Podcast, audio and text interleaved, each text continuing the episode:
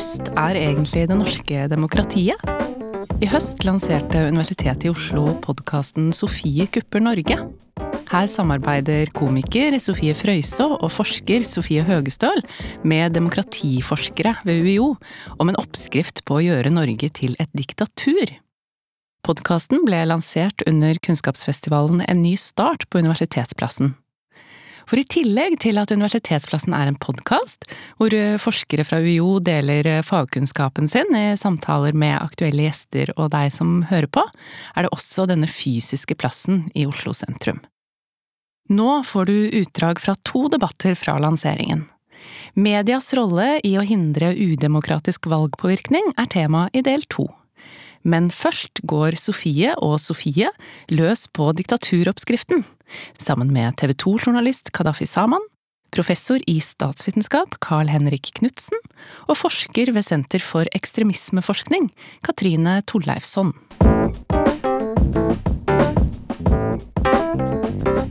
Hjertelig velkommen alle undersåtter til eh, dette møtet. Her står jeg altså, Norges nye diktator. En applaus for meg. Og her har jeg med meg mine lydige soldater. Dere kom hit eh, frivillig under tvang. Det setter jeg veldig veldig pris på. Velkommen alle sammen tilbake. Takk for det. Takk for det. Um, altså, dere har jo nå hjulpet meg til å lage en oppskrift til hvordan jeg skal kuppe Norge og beholde makta. Ikke sant? Det er deres verk, så takk for det. Uh, og jeg må bare si det sånn, det glemte jeg å si, Hvis det er noen fra Russland eller Kina, now you can leave. Flott. Eh, I dag skal vi snakke om mediene. Eh, om hvordan jeg kan bruke eller misbruke mediene da, til å spre min sannhet, min propaganda, om jeg må ty til det, og hvordan jeg eh, skal samle støtte blant folket i min kamp. Og jeg skal også få høre disse ja, fortsette, Om dere vil fortsette å være mine lydige hjelpere, da. det er jeg veldig spent på. Eller om jeg må bestikke dere med noe. Men vi må begynne med deg, Karl Henrik, som er altså min diktator... Hva skal jeg si? Ekspert. Eh, demokratiekspert eh, også, selvfølgelig. Er du fornøyd med å ha skapt et monster? Jeg frykter jo at det vil skje en dag. Eh, faktisk, eh, Når man forsker på demokratier og diktaturer, så er det en, en sånn etisk betraktning. Altså man, hva er det som gjør at noen blir diktatorer? Så sånne ting kan jo, kan jo misbrukes, men, men det, måten jeg rettferdiggjør det overfor meg selv på, det er at eh, de andre som sitter og hører på og, og, skjønner hva som egentlig foregår. For dette har jo diktatorspirer som, som deg, Sofie, tenkt veldig mye på. Mm. Så jeg, Kanskje ikke jeg lærer deg så mye, men, men, alle vi som sitter rundt og er litt naive, det er kanskje de som trenger å utdannes i, i, i hvordan disse forskjellige strategiene og taktikkene brukes. Da. Så det er, det er en slags vaksinering av samfunnet også i det å vite hva som foregår da, i de ja. systemene. Ja. Men for at publikum skal få bli med i prosessen, så må vi gå gjennom noen eh, begreper som du skal hjelpe oss med. Eh, for et lite lynkurs er rett og slett i demokrati. Og det første jeg lurer på er Hva må til for å kalle seg et demokrati?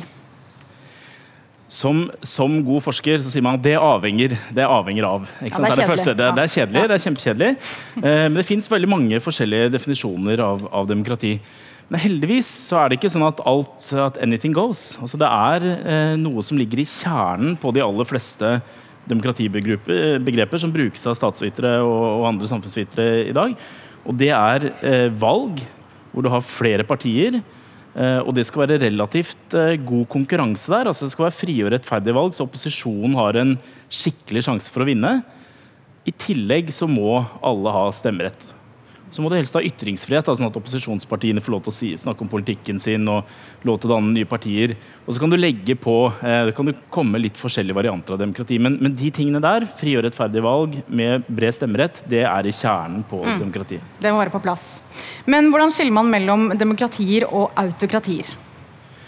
Så en, en, vanlig måte å tenke på autokratier på, eller diktaturer, så jeg bruker det helt uh, synonymt, uh, uh, det er å tenke på det som et politisk system som rett og slett mangler i demokrati. Så, så, jeg liker å tenke på det som en skala. så Du kan være eh, veldig demokratisk. Sånn et system som Norge, som har veldig god konkurranse i valg. Du har liksom, de, alle de sivile rettighetene på plass. Stemmerett til alle voksne.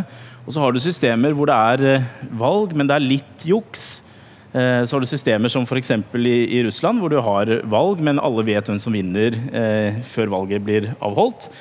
Og så har du liksom Nord-Korea. Eh, fin, ser inspirasjonen til uniformet kommer fra den, den enden av spekteret.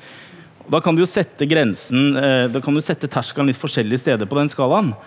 Eh, Du kan dele det inn i to. på en måte, Da har du autokratier og demokratier. Men altså, demokrati som styringsform gjennomgår nå en nedgangsbølge. Eh, Kan du fortelle oss kort om det? Så eh, Litt uenighet om hvor dyp denne bølgen er, men at det går, har gått nedover de siste årene med demokratiet på verdensbasis, det er de fleste som, som forsker på det, enige om. Så det er veldig mange forskjellige eh, kule mål. På, eh, man skrur sammen mål eh, for å se hvor demokratiske er ulike samfunn. Og ser du på snittet for alle verdensland, så går det nedover. Eh, Og det har det gjort. eh, Noen sier siden 2012-13, andre sier litt tidligere. 2004 hørte jeg Sofie nevnte i podkasten. Det det, er, Freedom House. Det er litt, litt forskjellig. Men det som er ekstra eh, bekymringsverdig med den nedgangsperioden, det er at det er en del veldig store og tunge eh, land som kan ha mye innflytelse på lengre sikt. F.eks. Eh, Tyrkia, eh, Brasil eh, til og med i, i, senere år i Latin-Amerika. Altså det er de, ofte de store innflytelsesrike landene som har opplevd en nedgang de siste årene. Og det er kanskje noe som er spesielt kjennetegnet ved den eh, bølgen her. Eh, og som, som ikke lover helt bra eh, for tida framover. Mm, Hvordan står det til med det norske demokratiet, da? Veldig bra. Ja. Eh, det står veldig bra til med det norske demokratiet. Enn så lenge? Mm. Det er en bare viktig å påpeke. Viktig, viktig Ja. poeng.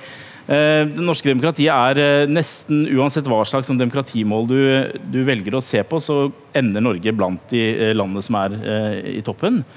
Både om du ser historisk og, og på tvers. Men så er det jo gjerne sånn at vi liker å tenke på demokrati Vi snakket om en skala, og da kan man tenke seg at det er en skala uten endepunkter. Du, en måte, du har et ideal som ligger langt, langt der ute, kanskje du ikke engang kan se det. Så det er alltid noe å strekke seg etter som demokrati. Og norske demokrati er heller ikke perfekt. Det er flere ting. Det er ikke sånn at alle i Norge har lik innflytelse over politikk. Så det fins ting, ting å jobbe med. Eh, Men vi ligger generelt bra når vi måler oss med, med de fleste andre, andre land. Men hva er ditt beste go to-tips da, hvis man eh, vil kuppe Norge? Hva ville du gjort? Jeg ville prøvd hardt å bli leder i Arbeiderpartiet eller Høyre. Ja. Eh, og så ville jeg stilt til valg, og så ville jeg gått veldig gradvis og sakte fram. Og, og eh, fjerna liksom, begrensninger på muligheten min til å eh, jukse meg til å bli sittende videre. Så dette er ganske viktig også for de, eh, de tilbakeslagene vi har sett i mange land eh, i denne siste perioden. At veldig mange av dem, Det har ikke vært militærkupp. Det har ikke vært mennesker i uniformer som kommer inn og kupper. Det skjer det òg, sånn som i Burma. Men det har ofte vært valgte ledere som, som har konsentrert makten. Mm. Men Hva tenker du om mine kupplaner? Er det gjennomførbart? tenker du? Eh, jeg skal ha kjempegode odds for å sette penger på deg. okay. jeg, jeg sier ikke at du ikke vil lykkes. Nei. Eh, Vær litt forsiktig nå. jeg hadde, jeg hadde Nei, jeg skal ikke dra den anekdoten, men det, det, er, det er en sannsynlighet, men den er veldig, veldig liten. Ja, ok. Veldig liten. Jeg hører hva du sier. Jeg tar det ikke til meg. Men eh, vi må altså, snakke med noen som kan dette med desinformasjon og konspirasjonsteorier. Altså, Katrine, du er jo ekspert på alternative medier og ekstremisme. Eh, og da må vi snakke litt eh, om dette, da. Fordi du forsker på dette, og eh, du har fått i oppgave å vise meg hvordan jeg kan utnytte mediene til min fordel. Men da må vi først bare rydde opp i litt sånn begreper. Hva er egentlig forskjellen på tradisjonelle og alternative medier?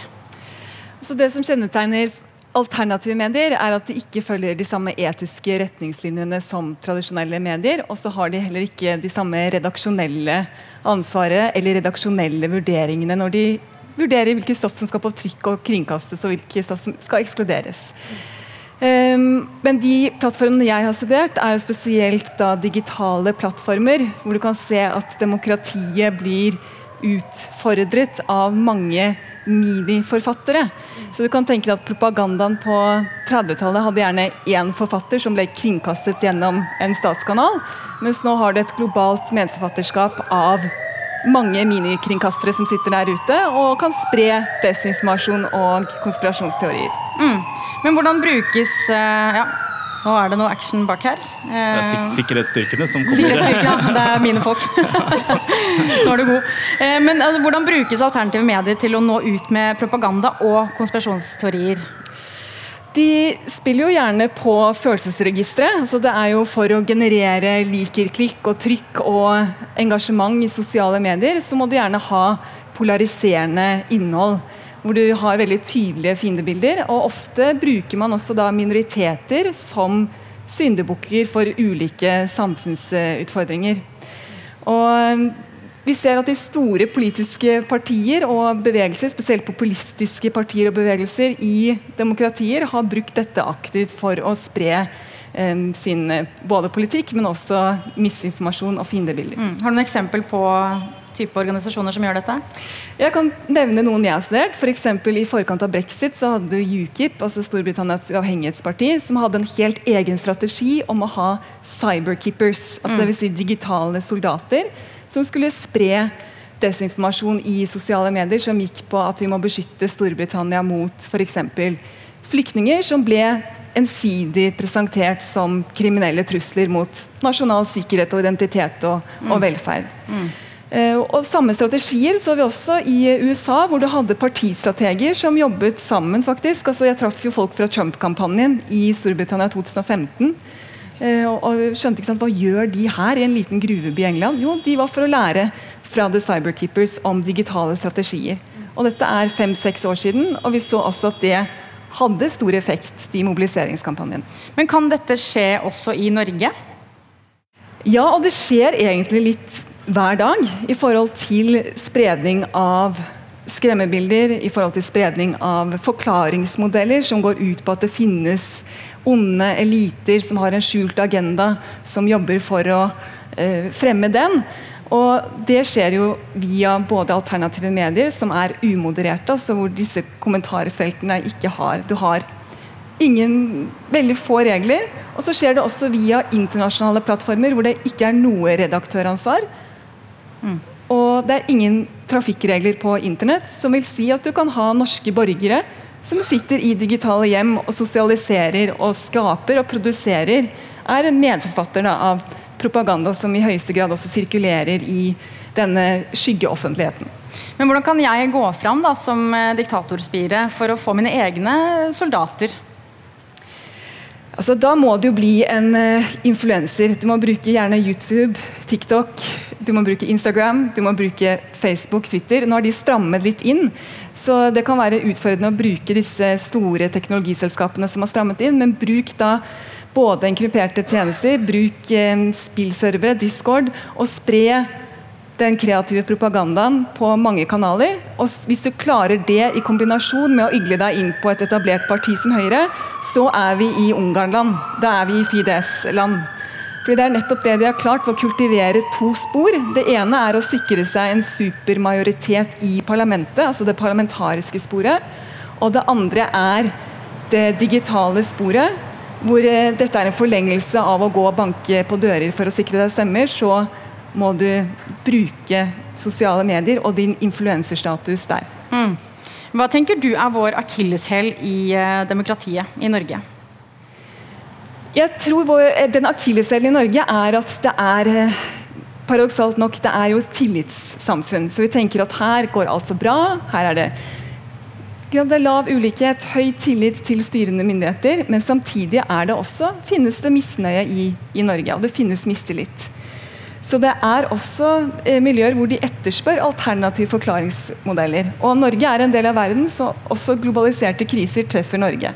Nå har vi hatt en pandemi som skaper eh, usikkerhet. Det har vært demonstrasjoner foran Stortinget hvor du har både konspiratoriske miljøer som kommer sammen med ytre høyre-miljøer. Mm. Så vi lever i en tid av systemisk uforutsigbarhet. Og i sånne usikre tider så vet vi historisk sett at konspirasjonsnarrativer og fortellinger de trives godt. Mm. Ja, altså Du nevner jo tillit. da, og Er det noen som er avhengig av tillit, så er det jo pressen. Gaddafi, Du har jo jobbet eh, både som reporter her i Norge, men også ute i land som ikke er så demokratiske. Eh, og I podkasten forteller du litt om hvordan det har vært, og din opplevelse rundt det. Har du lyst til å bare si, eh, Fortell oss en historie som eksemplifiserer og forklarer hvordan det kan oppleves som reporter.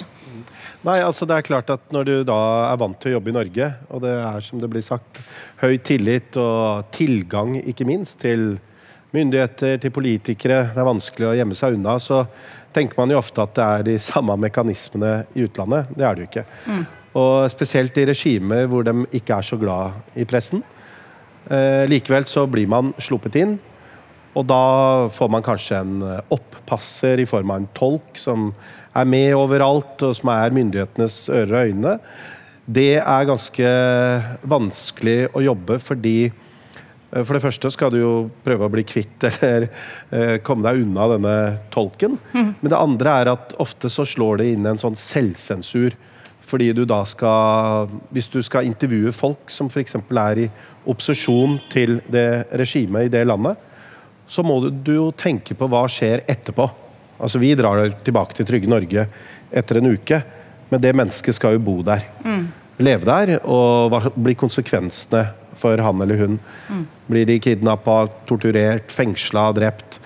Og det gjør at man må holde tilbake ofte. Det er så mange saker som man har lyst til å lage i sånne regimer, eh, land, eh, men så tenker man konsekvensene. Det er det ene. Og det andre er jo på en måte denne hele tida eh, Jeg har f.eks. vært i ja, både Iran og Saudi-Arabia og Jemen og en del sånne land, og da får du tildelt eh, et menneske. Og de er ofte veldig kritiske til myndighetene i, i samtale med oss. Jeg husker jeg var i Iran en gang, og da mm, var han tolken hata presidenten, Ahmadinejad, på den tida, og sa at he's an asshole, I really hate him. Og så sa jeg og fotografkollegaen min Bjørn Roger No, he's a great man. He's a great Muslim leader. Fordi vi tenkte at nå prøver de å sette oss i en felle. felle. Sofie, nå skal du få si noen ord. Eh, altså, all den tid du har eh, forsket, er det dette du tenkte at du skulle ende opp med å gjøre? Nei. Å bli diktatormentor? Altså, min bestemor spurte meg hva jeg driver med på jobb nå, Ja. her om dagen. Uh, og da jeg prøvde å forklare at jeg da hadde blitt din diktatormentor, hun har sett det på TV og syntes det var veldig hyggelig, uh, så syntes hun det var vanskelig å forstå at all min kunnskap skulle kanaliseres inn på den måten. Men jeg føler jo at det har vært en ære å få være din diktatormentor. Ja, nå er du god. Ja, Ja, du kan ikke si noe annet. Jeg har lært ydmykhet gjennom denne prosessen. Ja. Men hva er, det, hva er det viktigste du har lært i denne prosessen? Eh, det har vært veldig gøy å lage Det har jo litt, vært litt som å ha en læremester som har gitt oss en, en, en, eh, en oppgave på skolen. Da, som hvordan skal vi kuppe det norske demokratiet? Hvordan går man frem? Vi lager jo en slags diktatoroppskrift i løpet av denne podkasten. og det å presentere den for Carl Henrik, da fikk jeg litt sånn frysninger av eh, hvor rart, men også fint, eh, det på mange måter var. Så det å, å liksom se hele systemet da, under ett, og følge en sånn prosess, det syns jeg var veldig spennende. Men eh, Karl Henrik, i podkasten snakker du om farene ved å være total hjemmesupporter i politikken. Ja. Eh, som er veldig interessant. Kan du fortelle oss litt om det? Ja. Så eh, jeg kan jo gå tilbake til den definisjonen på, på demokrati at du må ha valg med reell konkurranse. Altså Det må være sånn at du har politikere å velge mellom, og så må du kunne kaste de politikerne som, eh, som tråkker over streken, prøver å liksom eh, ta til seg makten. Der har jo pressen har en, eh, har en viktig rolle. Vi har snakket om veldig mange av de tingene som informerer velgerne, og som sikrer at vi har en skikkelig konkurranse. Men det blir jo ikke konkurranse hvis ikke vi velgere også er villige til å stemme på forskjellige partier eh, hvis det blir helt, helt sprøtt. Altså selv om du har et favorittparti, eh, og jeg syns dynamikken i USA, som ofte eh, betegnes som polarisering, og at man får eh, noen som vil stemme på demokratene eller på republikanerne. altså man, man stemmer på Trump uansett hva han gjør. Og så Når man får den typen eh, dynamikk, så vet jo også politikerne, altså politikere som Sofie, vil da vite at her kan jeg gå ganske langt. Her kan jeg tøye strikken og gjøre omtrent hva jeg vil, uten å risikere at min base fortsetter å stemme på meg. Så som eh, individer og som velgere så er det faktisk noe av det viktigste vi kan gjøre, er å være kritiske også til de vi i utgangspunktet er mest enig med. Og kommer kritikken fra egne velgere, så skal du se at politikerne også disiplinerer seg på en annen måte. Det er mye mer, eh, mye mer effektivt om det er Arbeiderparti-velgere som, som sier ifra til Jonas, og Høyre-velgere som sier ifra til Erna, enn en, en vice versa. Sofie, du har jo fulgt meg hele veien. eh, Og vi har jo snakket mye om eh, styrkene og svakhetene ved det norske demokratiet. Eh, Du som har vært der fra dag én, som man sier i Paradise Hotel, så lurer jeg på hva sitter du igjen med av tanker hva gjelder liksom de største styrkene og svakhetene? Den største styrken er jo denne tilliten vi har. Jeg satt jo da i valglovutvalget, og det første som skulle skrive en ny norsk valglov, og det første vi gjorde, det var at vi var på valgobservasjon under stortingsvalget i 2017. Og det var fascinerende, for da fikk jeg være sammen med internasjonale valgobservatører som ser vårt demokrati litt utenfra. Og det å vise de rundt spikersuppa, og reaksjoner de hadde på at der står alle norske partier sammen, utrolig god stemning. Alle snakker sammen, alle har en veldig vennlig tone. Og du kan møte, du kan møte statsministeren. Hun står der av og til. Du kan møte partiledere. Um, jeg, jeg, tror de syntes det var ekstremt overraskende å se statsråder som sto der som vanlige politikere og møtte vanlige velgere uten masse sikkerhetsvakter. Uh, og det tror jeg er en av de vakreste tingene. Altså, Spikersuppa kan gjøre meg litt rørt under valg, for det er ganske vakkert. Um, men den tilliten som Katrine var litt inne på, den, den kan jo til tider gjøre oss litt sårbare. For jeg tror det er lett for oss å tenke på at demokrati er en endestasjon. Du kommer inn, du parkerer bilen, og så er vi bare i et demokrati fremover. Men demokrati er jo en tilstand man må jobbe med. Og da er det jo viktig at vi også har den kritiske sansen i møte med sånne diktatorspirer som deg. Mm. um, også i vårt eget demokrati. Ja, for Det har blitt nevnt flere ganger i podkasten at uh, dette med tillit kan være vår største styrke, men også vår største svakhet. Vil du si noe om det, Katrine? Eh, ja. altså Jeg forsker jo på en del ytre høyre subkulturer, og der er jo mistillit stikkordet. Og forskere viser at det er de tre mest forhatte ordene. altså Det er antivitenskap som fremmes der. Og Det er litt det du har sett i større skala i USA, hvor det er store nok deler av befolkningen som avviser både konvensjonell media som kunnskapsprodusent og vaktbikkjefunksjon, og de avviser også vitenskap. Og med en gang du både avviser vitenskapelig produksjon, altså du har delegitimert eh, universitetet som samfunnsaktør også, som kunnskapsprodusent, og du avviser konvensjonelle medieaktører, da er det ekkokamre og tunnelsyn som gjelder. Hvor du også har radikaliserende tendenser, og du ser et resultat som voldelig eskalering av internettkultur og stormingen av Kongressen i, i januar. Som var jo ganske sjokkerende for en eh, hel omverden å se. Mm. Så Jeg sier ikke at eh, Stortinget her kan stormes på samme måte, men eh, jeg som følger med på en del sånne subkulturer, ser jo at det er også en del mistillit og delvis opplevelse av avmakt blant noen. Ikke veldig utbredt, det vet vi i forhold på demokratiindekser i forhold til Freedom House-demokratiindeksene, som viser at her er robuste det, det norske demokratiet er robust, men i forhold til nettopp de følelsene som mange demagoger og populister, aspirerende autokrater, tar tak i, de er selvfølgelig også eksisterende i, i uh, deler av den norske befolkningen. Mm. Ja, eh, da tror jeg vi ikke har så mye mer tid igjen. Eh, men jeg takker for at dere tok turen. Frivillig. Karl Henrik, Katrine, Kadafi. Sofie, nå er ordet ditt.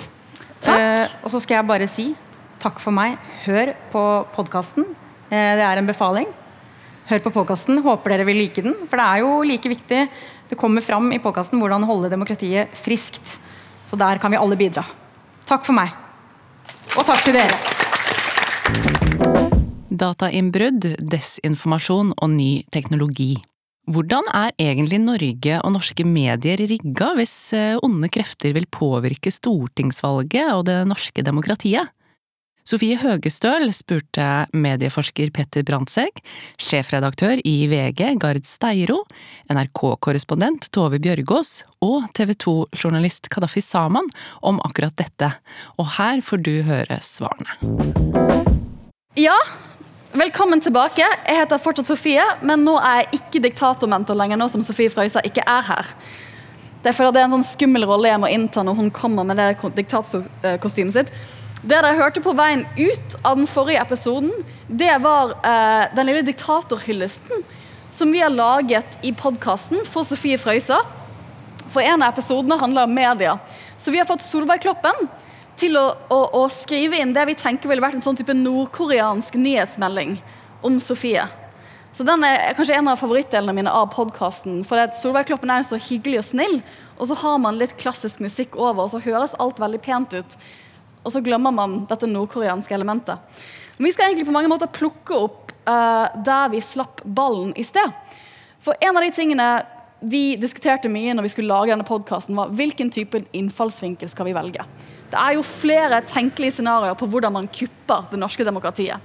Så vi hadde lange gruppesamtaler med mange av fagekspertene i podkasten. Hva er det mest realistiske scenarioet? Og da endte vi jo til slutt på selvkupp. Men jeg tenker at neste, neste plassen hadde jo vært en scenario som var mer rettet mot mye av det Katrine snakket om. Alternative medier. Eh, og fremveksten av alternative medier og lukkede miljøer, og måten det går inn i ekstremisme på. Og dette var jo noe jeg brukte en del tid å tenke på da jeg satt i valglovutvalget. For vi ble jo spurt om vi kunne se på hvordan vi kan regulere disse typer spørsmål om valgpåvirkning i norske stortingsvalg. Det vi konkluderte i valglovutvalget, var at det var en for stor og vanskelig problemstilling for oss å ta tak i. Så det greide vi ikke å utkvittere. Vi tenkte at var, vi kranglet nok om hvor høy sperregrensen skulle være. Så det, det ble med liksom sperregrensen, utdanningsmandat, alle de andre tingene du skal gjøre i en valgordning. Og så skjøv vi litt på den problemstillingen, for vi tenkte at hvis vi, hvis vi skal prøve å utrede hvordan man kan balansere ytringsfriheten og fake news, og regulere det, så trenger vi ti år til. Så det kom vi aldri frem til. Og Derfor ønsker jeg å snakke mer om disse temaene med dette Uber-kompetente panelet. Um, og da tenker jeg at vi rett og slett setter i gang med deg, Petter. Um, du er jo da en av landets fremste eksperter. Altså, nå, noe, vi var lei oss for, hva vi ikke fikk snakket mer om media. Men UiO ville ikke lage 20 episoder av en eller annen grunn. Så da ble det én medieepisode. Eh, men du forsker jo mye innenfor digitale medier. Hva, liksom, gjør oss litt klokere her. Hvordan jobber mørke krefter i våre digitale liv? Og hvilken potensiell teknologi kan de ta i bruk for å få kontakt med oss i en valgsetting? Det er et stort spørsmål. Det er et veldig stort spørsmål. og det er ikke noe enkelt svar på det heller. Men uh, man var jo litt inne på det her i panelet i stad. Og én ting er jo at man kan gå inn i eh, ganske lukkede fora. Og så tenker man hvem er det som sprer falske nyheter? Hvem er de? Jo, det er ikke nødvendigvis folk med mange tusen følgere eller har en stor profil, er influenser eller lignende. Det kan være folk som nettopp har fått seg en konto på Twitter med ganske få følgere, som allikevel kan nå ganske langt ut. Eller på obskure servere på Discord. Hvis du har en ungdomsgutt uh, hjemme, så er de sannsynligvis på Discord. Og der kan de bli påvirket. Altså, du har uh, Lysglimt, sjefen i alliansen f.eks., han er på Discord og har sine på en måte leiesoldater der, som han sier Spre dette her. Ikke eh, skjul at dette kommer fra meg. Og så går det fra ledd til ledd til ledd, og så er det spredd ut i store nettverk. og når man er eh, gutt alene på ungdomsrommet, så kan man jo bli påvirket. Sånn at dette skjer på veldig mange ulike nivåer og på ulike plattformer. Så det er jo kanskje ikke disse trollfabrikkene i Russland som vi har blitt tegnet opp i media av og til, som er det mest realistiske scenarioet her hjemme i Norge? Jo, altså de, de, er jo også til stede også i uh, den norske mediesfæren. Og vi vet fra en undersøkelse fra NRK Beta i 2020 at uh, NRK, TV 2, VG, Aftenposten alle hadde sitert til eller referert til og brukt trollfabrikker som kilde. Mm. Sånn at uh, man skal ikke utelukke disse trollfabrikkene i, i Russland heller. Nei, for jeg tenker sånn, De fleste av oss som ikke forsker på dette, og ikke er professor i, i medievitenskap, sånn som du er, har vel først kommet bort i konseptet tollfabrikker rundt, um, rundt det som skjedde i USA i 2016 med det amerikanske valget da. Og da særlig det at Hillary Clinton sine e-poster ble hacket mm. um, rett før valget. Mm. Uh, og kort forklart så ble jo det da lekket av Wikileaks på en måte man antar han fikk tilgang til den, altså de e-posten-dumpene fra russiske trollfabrikker. Uh, og så, det, så kommer det inn i media. Uh, og så er det nok Hvis Hillary Clinton-kampanjen skulle vært der, så ville de nok snakket mye om hvor bittert det var uh, å se hvordan det narrativet fra de e-postene tok over hele valgkampen for henne i 2016. Og en av de tingene som har blitt diskutert kanskje i en veldig nerdete sirkler, men som har blitt diskutert, er at hva hadde skjedd i Norge fra et sånn redaksjonelt standpunkt? Nå ser jeg selvfølgelig på deg, Gard, du er jo da sjefredaktør i VG. Um, hva er det som hadde altså, Det er sånn tenkelig scenario. Hva, hva, hadde dere gjort hvis dere plutselig fikk tilgang? For plutselig sendte noen deg masse filer, og så viser det seg å være um, uh, e-postkontoene til stortingsrepresentanter som har blitt hacket. da i løpet av de hackangrepene vi har sett mot Stortinget, fra det vi antar er f.eks. russiske og kinesiske aktører? Da hadde vi blitt stilt overfor et veldig stort dilemma. Eh, fordi at eh, dette kommer da fra en kriminell handling. Eh, som gjør at da er terskelen høy for å bruke det innholdet. Og så må man likevel gjøre en vurdering om det kan ligge noe der som har så stor offentlig interesse at det bør publiseres. Og så er det det andre som jeg tenker vil være en risiko, er jo at uh, du, hvis noen har stjålet dette materialet og gitt ut veldig mye data til et mediehus og veldig mange dokumenter, så er det en risiko for at de har puttet inn falske dokumenter og falske data inn i dette. Så du, du ville stått overfor en veldig stor journalistisk jobb og noen veldig vanskelige publisistiske avgjørelser. Norske medier har jo vært litt i den situasjonen på at man har fått internasjonale lekkasjer. enten eh, gjennom Panama Papers eller Football Leaks eller sånne ting. Og da har man vært restriktive med å bruke data. Når man har dette er jo millioner av dokumenter, og da har man gjort et lite utvalg av dokumenter som man syns har så stor offentlig interesse at man skal bruke det. Hvis man hadde kommet fra Stortinget her i Norge og fått en sånn datadump, så tror jeg de fleste ville vært veldig forsiktige med å bruke det materialet. Men man ville måtte satt seg inn i det. Ja, for det er, litt, det er, jo de vanskelige reaksjonelle beslutningene. som du sier, Hvis det er noe som dere tenker kan være sant i de eh, dokumentene dere får tilgang til, som er, har en veldig stor nyhetsverdi og en veldig stor offentlig interesse, så er det jo den vanskelige avveiningen som du da vil sitte i. Ja, altså det er jo sånn at når vi får, altså, for, Først man huske at Lekkasjer er en viktig del av norsk offentlighet. Altså Lekkasjer er veldig viktig for journalistikken. Uten de som lekker dokumenter, de som våger å røpe taushetsbelagt informasjon, så klarer ikke journalister å gjøre jobben sin. Men vi stiller ekstra krav til den type informasjon. da, Man må spørre seg hva er motivet til kilden, slags verdi er det dokumentet. Så det er krevende vurderinger, synes iallfall jeg. Utover en sånn type scenario, hva er det du tenker mest på når det kommer til påvirkning? Altså, hva er det du frykter mest, eller bruker mest av din redaktørtid på å tenke på sånn mulige påvirkningskampanjer fra denne type aktører? Vi, altså det vi ser, det vanligste vi ser eh, altså Det vanligste tror jeg er liksom påvirkning av journalister. altså Egentlig ikke den digitale engang, men det er kilder som påvirker journalister og prøver rent muntlig. Det er vanlig kildekontakt. Det tror jeg er det vanligste. Så har vi de siste året blitt også redd for inn, altså økende risiko for innbrudd hos oss. Ja. At vårt materiale skal bli, at vi skal bli hacket, at sensitivt materiale for oss skal komme ut og bli brukt i en politisk eh, agenda.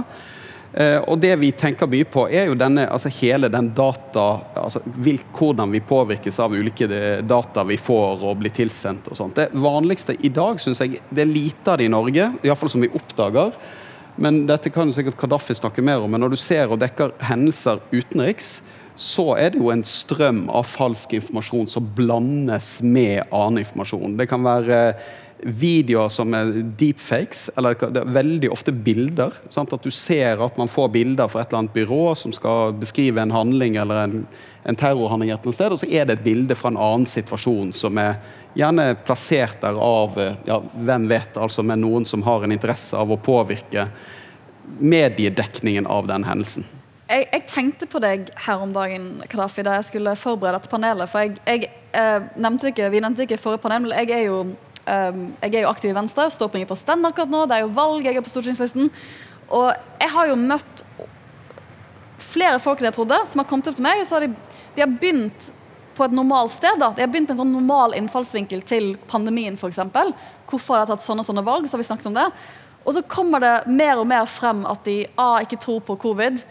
B tror at 500 000 amerikanere har blitt drept via vaksinen. Og, og så, så, kommer det mer og mer frem. Og da tenkte jeg faktisk litt på deg, for du må jo ha vært i mange flere sånne stasjoner når det kommer til å snakke med den type kilder eh, og imøtekomme den type konspirasjonsserier. For du, du, er jo en vaskeekte gravejournalist. Du har jo vunnet, nylig vunnet en liten gullrute for eh, Norge bak faksaden, f.eks. Hvordan opplever, eller Har du opplevd økning av å prøve å bli påvirket som journalist av den type konspirasjonsteorier? Ja, altså, ja da, og det skjer hele tida. Og det ble jo sagt i stad eh, altså Den største påvirkningen eh, føler jeg er jo fortsatt den gode gammeldagse av den enkelte journalist. Hvor man prøver å plante en sak eller desinformasjon eller ljuger, rett og slett. Og det kan når jeg jobba i VG, så holdt vi på med gjenger, og da var det ofte sånn at hvis du snakka med et gjengmedlem, så fortalte han masse løgner om eh, motstanderen eller fienden sin. Og så gikk du til de andre, så fikk du servert en helt annen historie. Og så gikk du til politiet, og så var det en tredje historie. Og så var jo utfordringa hvem snakker sant her. Og nå ser vi jo mye av det samme, egentlig. Litt sånn digitalt med bilde. Det er jo på en måte den samme. Men det jeg merker, er at den gode, gamle manipuleringen da, av redaksjoner og enkelte journalister foregår jo fortsatt. Kanskje litt mer avansert. Du har jo drittpakker bl.a. Og spesielt opp mot nedbemanningsprosesser og valg og ikke sant. Alltid det er en eller annen misfornøyd sjel da, som er forbanna på både sjefen og de under. Eh, men samtidig så er man jo avhengig av de misfornøyde òg. Det er jo som Steiro sier, at altså, lekkasjer er utrolig viktig for at man kan få ting fram i lyset. Men jeg tenker jo at uh, mediene har blitt Vi har blitt mye flinkere til å avsløre fake bilder. Jeg så jo det nå under Afghanistan. Veldig mye gamle videoer, gamle bilder. Å se Taliban, og så vise at det er jo fra forrige periode. Så det at redaksjonene eh, får, altså har den tekniske kompetansen og de virkemidlene, og ikke minst eh, altså Jeg kan, ikke, kan ikke si dette er et fake bilde, men vi har folk på huset som gjør det. Så, men den manipulasjonen, den er absolutt den er, Det skjer hver dag, det. Og fra alle mulige miljøer. Altså Det er fra politikere, kriminelle Det kan være andre fremmede stater som prøver å plante sitt narrativ. Og det er jo også en sånn eh, mekanisme som jeg tror de fleste mediehusene har nå. At vi er, vi, man er ikke så naive som man kanskje var før, da. Tove, Ja. du er jo, har jo vært USA-korrespondent, skal tilbake til å være USA-korrespondent på runde to. Og jeg, vi jobbet jo sammen under det amerikanske valget. Og jeg har jo ikke som forsker opplevd så mye Jeg forsker jo vanligvis på sånn krigsforbrytelser, folkemord, og det er jo ikke, det er jo ofte masse konkurrerende narrativer om de spørsmålene der. Så jeg har jo vært borti det fra den situasjonen. Men etter at jeg har blitt noe så ymst som USA-ekspert, så får jeg jo mye mer oppsøkende kontakt rundt det. Og en av de tingene jeg opplevde ganske mye eh, og regelmessig, er jo blitt hatt kontakt av nordmenn som mener at det amerikanske valget var stjålet. Hvordan, altså, du skal jo tilbake inn i den mediestasjonen som er i USA, etter å ha vært der tidligere. Hvordan tror du det blir? Jeg tror eh, det blir eh, veldig krevende i mange år framover. Og jeg håper at vi aldri kommer dit amerikanerne har, har kommet. Jeg leste et eller annet sted jeg husker ikke hvor det var, en kommentator som skrev at at for deler av høyresida i USA så er nå løgnen en, en politisk ideologi. Altså det, det, det, du kan bare fortsette å ljuge, for du vinner faktisk velgere på det. Du trenger ikke å fortelle sannheten, fordi halvparten av befolkningen tror på, på det du sier, uansett hva du sier. Eh, og, eh, og, det eh, er jo sånn at Derfor du snakket om andre land som du har vært i sted i det forrige panelet. Eh, og, og eh, jeg snakket, det er vel også slik at eh, den dagen et demokrati folka i et demokrati ikke har én en eneste mediekilde de, de, de, i fellesskap kan stole på, så har du et problem. Og sånn har det blitt i USA for lenge siden. Så, så jeg tror at, at dette blir veldig veldig krevende fremover. Jeg vet egentlig ikke helt veien ut av det, men jeg tror at de sosiale mediene og kanskje med Facebook i, i, spissen har en utrolig stor rolle å spille og har mye av skylda for at det har blitt sånn. For det du snakker om, Petter, altså det går i et tempo, dette her òg. Eh, disse, ting fyker ut på, på, nettet. Det skal svares med en gang. Vi i mediene skal med en gang bestemme. Kan vi bruke disse bildene, kan vi ikke? Eh, og, og, det som skjedde i den amerikanske valgkampen sist Dere snakket om e-postene til Hillary som ble lekket. Eh, før det skjedde, så var det jo en, en avsløring om at hun hadde brukt en en e-postserver, en, en, privat e-postserver som har blitt en skandale. Troverdigheten hennes var allerede lav, så kom de lekkede e-postene. Dermed så ble alt en sånn grøt som handlet om eh, mistilliten til henne, som absolutt man, man, hadde grunn til å ikke ha tillit til, kanskje.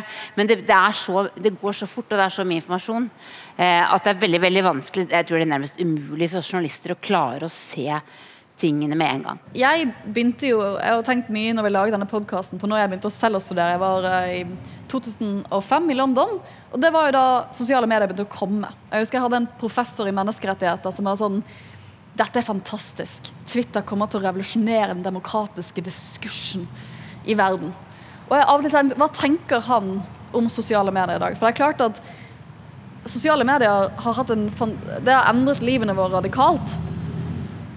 Men måten det har påvirket evnen vår til å ha en felles sannhet som samfunn, kunne vi ikke ane i 2005. Og det er kanskje mitt sånn siste spørsmål til dere. Hva tror dere er, liksom, hva fra deres ståsted er de tingene vi skal være på vakt etter den, i denne fasen vi er inne i nå? For det interessante som du sa, at Trump har jo blitt kastet av Twitter. Og det har jo vært Det var jo en, en um, omdiskutert uh, situasjon om man skulle bli, få lov til å være på Twitter eller ikke. Uh, men noen vil jo si at det har funket. Andre vil jo si at det har skjøvet en del av hans miljø inn i enda mer alternative plattformer enn Twitter. Eh, så Hva tenker du som er det viktigste fremover i den fasen vi er i nå? Jeg tror det kommer en, en skikkelig, skikkelig, oppgjør nå med de store sosiale mediene i USA i form av eh, høringer og etterforskninger og, og sannsynligvis noen slags eh, lovgivning. Eh, men det kommer til å ta tid, og jeg tror at det ikke kommer til å få så store konsekvenser for de som vi sier, mange befinner seg noen andre steder. Så jeg tror vi, vi, får, jeg tror vi får se ganske mye til neste år, når det er kongressvalg igjen. hvordan det Eh, hvordan det kommer til å foregå. Eh, jeg synes Det er veldig veldig vanskelig å, å, svare på det spørsmålet. egentlig, fordi jeg, føler at eh, også med covid så er liksom verden veldig ute og sykler tillitsmessig. Jeg tror også her i Norge at vi kommer til å få jeg synes jeg ser det allerede, Motsetningen mellom by og land for eksempel, som forsterker seg pga. det folk har vært gjennom. Eh, tilliten til staten. Vi har jo sett selv her også at det til slutt blir tynn, tynnslitt. ikke sant? Så ja. Gard? Ja, altså jeg håper også det blir en form for opprydning i de sosiale mediene, og en mer åpenhet om algoritmen deres og hvordan de fungerer. Men jeg tror vi skal liksom gå helt til det grunnleggende. Jeg tror det viktigste man gjør, det handler om utdanningssystemet. Å lære barn kildekritikk veldig tidlig, og virkelig sette det, se at det er en viktig del av utdannelsen i dette landet. Jeg er helt eh, enig i det. Og at kildekritikk er virkelig viktig. Samtidig er ikke det nok, fordi vi, vi lever i eh, et så intenst eh, digitalt landskap. Og nå kommer kunstig intelligens eh, for fullt, og de kan faktisk begynne å analysere følelsene våre. Altså om vi er deprimerte eller ikke, og påvirke oss på helt nye måter. Og det, det kan bli veldig skummelt. Og, og, det Facebook gjør nå, det er at de er livredde. De er livredde for å bli delt opp og miste makt. Sånn at Senest i går så sa de at nå skal de prøve å dempe politisk innhold på plattformen. Altså at uh, mer hverdagslig innhold skal få blomstre, mens det politiske innholdet skal trykkes ned. Fordi de er redd for å bli arrestert videre på handlinger som f.eks. angrepet mot uh, Kongressen uh, eh, 6.1 i fjor. I år var det kanskje. ja. I år, faktisk. ja. Nei, Jeg er enig, helt enig med det som blir sagt her, dette med kildekritikk. Altså i skoler med barn. Ikke tro på alt det som kommer i feeden. At man bruker det i undervisningsopplegg. Kombo med mer gravejournalistikk. Altså avsløre disse folka, disse nettverkene. Hvem er de? At mediehusene bruker ressurser på det. Det tar jo tid. Eh, og at man eh, blåser de, rett og slett. Eh, og viser hvem de er. Jeg vil si en ting til slutt? Bare for å bringe det inn i vår tid. Det, altså det som har skjedd også nå i Afghanistan eh, Hvis du hører på, hører på The Ezra Klein Show i, i helgen altså det er det amerikanske folk opplever jo at det som har skjedd i 20 år, har vært en gigantisk løgn egentlig fra myndighetene. At de visste at det her kommer de aldri til å klare å dra i land. Og, og, og Det blir nok et sånt eksempel på at systemet, Pentagon, politikerne bare driver med ting. Herjer med unge menn som de sender ut i krigen. Eh, og så er det bare ikke mulig å gjennomføre de operasjonene. Og det tror jeg bare gjør at den tilliten blir enda vanskeligere. Ja, det var alt vi rakk. Vi kunne jo snakke om dette i flere timer. Tusen tusen takk til panelet, og tusen takk til alle til dere som fulgte med. Eh, lytt til Sofie Kupper Norge hvis du vil ha flere kupptips.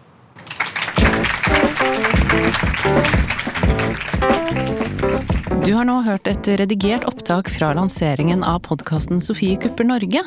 Vil du høre hvordan Sofie Frøysaa og Sofie Høgestøl kom frem til sin oppskrift på å gjøre Norge til et diktatur, kan du høre alle de seks episodene av Sofie kupper Norge i podkast-appen din. Hør også flere aktuelle episoder om pandemi, psykisk helse, demokrati, klima og veldig mye mer i denne podkasten, UiOs Universitetsplassen. Jeg heter Mari Lilleslåtten.